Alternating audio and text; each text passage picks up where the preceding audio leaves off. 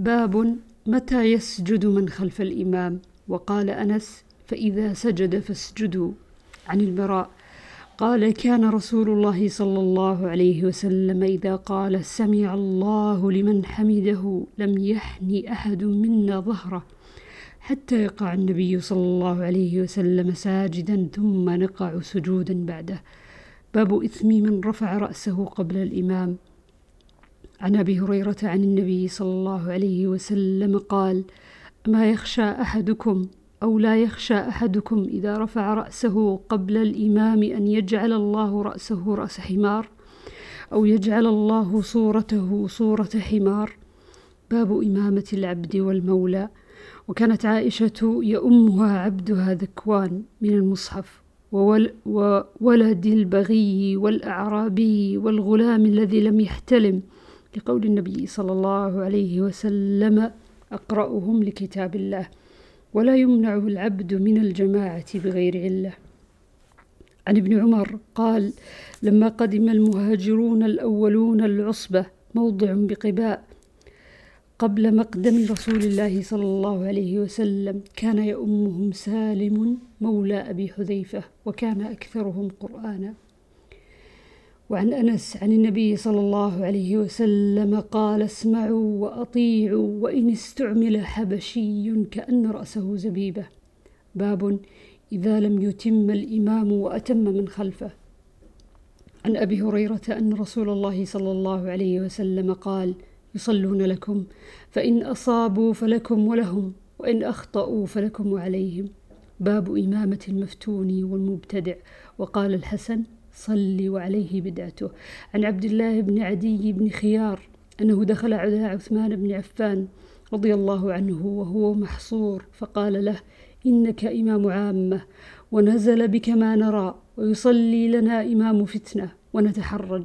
فقال الصلاة أحسن ما يعمل الناس فإذا أحسن الناس فأحسن معهم وإذا أساءوا فاجتنب إساءتهم. وقال الزبيدي قال الزهري لا نرى أن يصلى خلف المخنث إلا من ضرورة لا بد منها. وعن أنس بن مالك قال النبي صلى الله عليه وسلم لأبي ذر اسمع وأطع ولو لحبشي كأن رأسه زبيبة.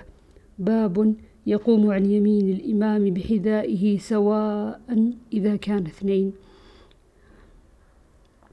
عن, ابن عباس رضي الله عنهما قال بت في بيت خالتي ميمونة. فصلى رسول الله صلى الله عليه وسلم العشاء ثم جاء فصلى أربع ركعات ثم نام ثم قام فجئت عن يساره فجعلني عن يمينه. فجئت فقمت عن يساره فجعلني عن يمينه.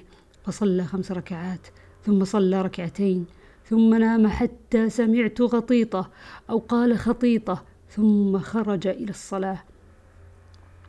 باب إذا قام الرجل عن يسار الإمام فحوله الإمام إلى يمينه لم تفسد لم تفسد صلاتهما. عن ابن عباس رضي الله عنهما قال نمت عند ميمونة والنبي صلى الله عليه وسلم عندها تلك الليلة فتوضأ ثم قام يصلي فقمت عن يساره فأخذني فجعلني عن يمينه. فصلى ثلاث عشرة ركعة ثم نام حتى نفخ. وكان إذا نام نفخ ثم أتاه المؤذن فخرج فصلى ولم يتوضأ. باب إذا لم ينوي الإمام أن يؤم ثم جاء قوم فأمهم. عن ابن عباس قال بت عند خالتي ميمونة. فقام النبي صلى الله عليه وسلم يصلي من الليل فقمت أصلي معه فقمت عن يساره. فأخذ برأسي فأقامني عن يمينه.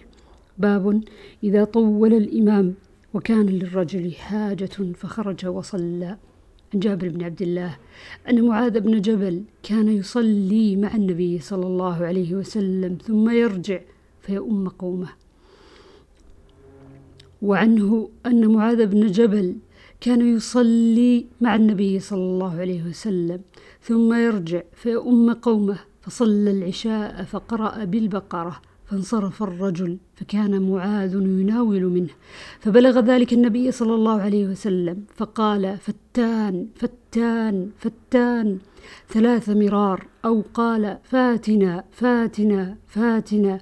وأمره بسورتين من أوسط المفصل. قال, عمر قال عمرو لا أحفظهما. باب تخفيف الإمام في القيام وإتمام الركوع والسجود.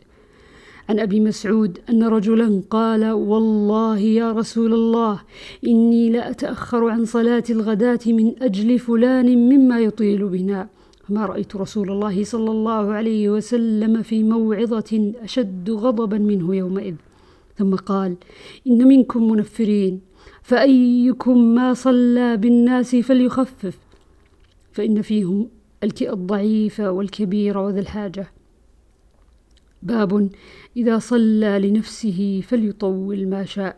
عن أبي هريرة أن رسول الله صلى الله عليه وسلم قال إذا صلى أحدكم للناس فليخفف فإن فيهم الضعيف والسقيم والكبير. إذا صلى أحدكم لنفسه فليطول ما شاء. باب من شكى إمامه إذا طول. وقال أبو أسيد طولت بنا يا بني. عن أبي مسعود قال قال رجل يا رسول الله إني لا أتأخر عن الصلاة في الفجر مما يطيل بنا فلان فيها. فغضب رسول الله صلى الله عليه وسلم. ما رأيته غضب في موضع كان أشد غضبا منه يومئذ. ثم قال يا أيها الناس إن منكم منفرين فمن أما الناس فليتجوز فإن خلفه الضعيف والكبير وذا الحاجة وعن جابر بن عبد الله الأنصاري قال أقبل رجل بناضحين وقد جنح الليل فوافق معاذا يصلي فبرك ناضحه وأقبل إلى معاذ فقرأ بسورة البقرة أو النساء فانطلق النبي فانطلق الرجل وبلغه أن معاذا نال منه فأتى النبي صلى الله عليه وسلم فشكى إليه معاذا فقال النبي صلى الله عليه وسلم يا معاذ أفتان أنت؟ أو أفاتن أنت ثلاث مرات فلولا صليت بسبح اسم ربك الأعلى وشمس يضحاها والليل إذا يغشى أنه يصلي وراءك الكبير والضعيف وذو الحاجة. باب الإيجاز في الصلاة وإكمالها. عن أنس قال كان النبي صلى الله عليه وسلم يوجز الصلاة ويكملها.